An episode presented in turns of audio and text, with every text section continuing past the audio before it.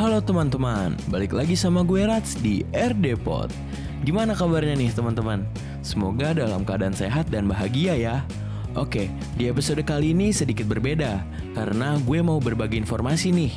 Kalian pasti udah pada tahu kan apa itu virus corona. Pembahasan kali ini seputar itu. Tapi tenang, gue akan memberikan informasi yang beda dari yang lain dan tentunya ringan untuk didengarkan. Nah, kalian udah pada tahu belum kalau ada mitos-mitos keliru tentang virus corona? Penasaran kan? Tapi sebelumnya, buat teman-teman yang belum follow RDPod, bisa langsung klik tombol follow dan jangan lupa untuk share ke teman-teman kalian ya. Ya udah, tanpa berlama-lama lagi, ini dia mitos-mitos keliru mengenai virus corona. Yang pertama adalah nggak perlu pakai masker di luar ruangan. Katanya sih, resiko tertular virus corona saat di luar ruangan lebih rendah. Aduh, ini menarik nih.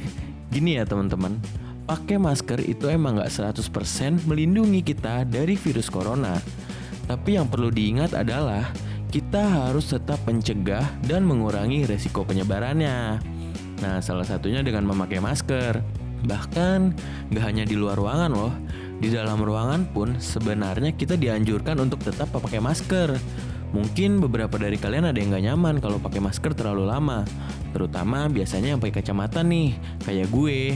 Nah, kadang kita juga lupa kalau keberadaan virus corona ini bisa ada di mana aja.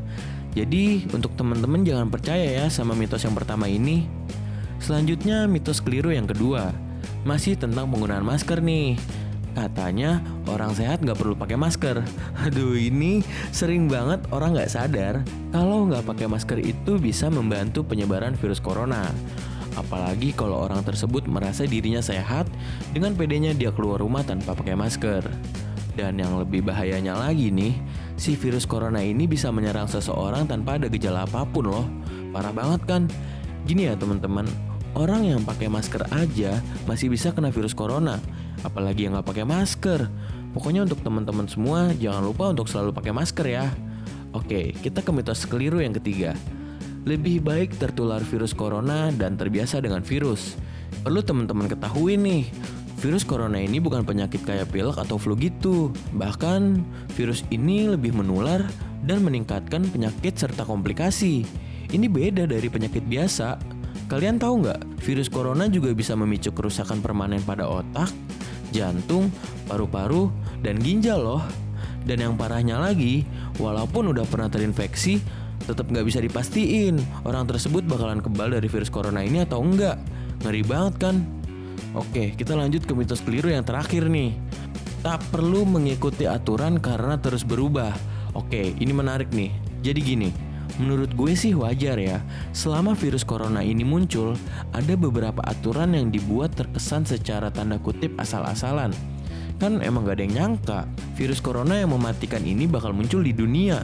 Dan gue rasa, dokter, perawat, bahkan ilmuwan pun juga sebelumnya gak belajar di sekolah kedokteran mengenai virus corona ini.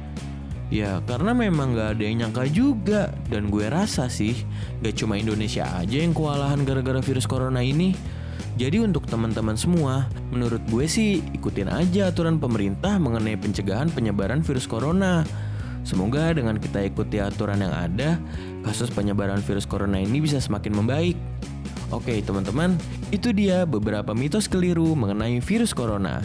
Semoga bisa menambah pengetahuan dan wawasan kalian ya. Oke, kita udah di penghujung episode nih.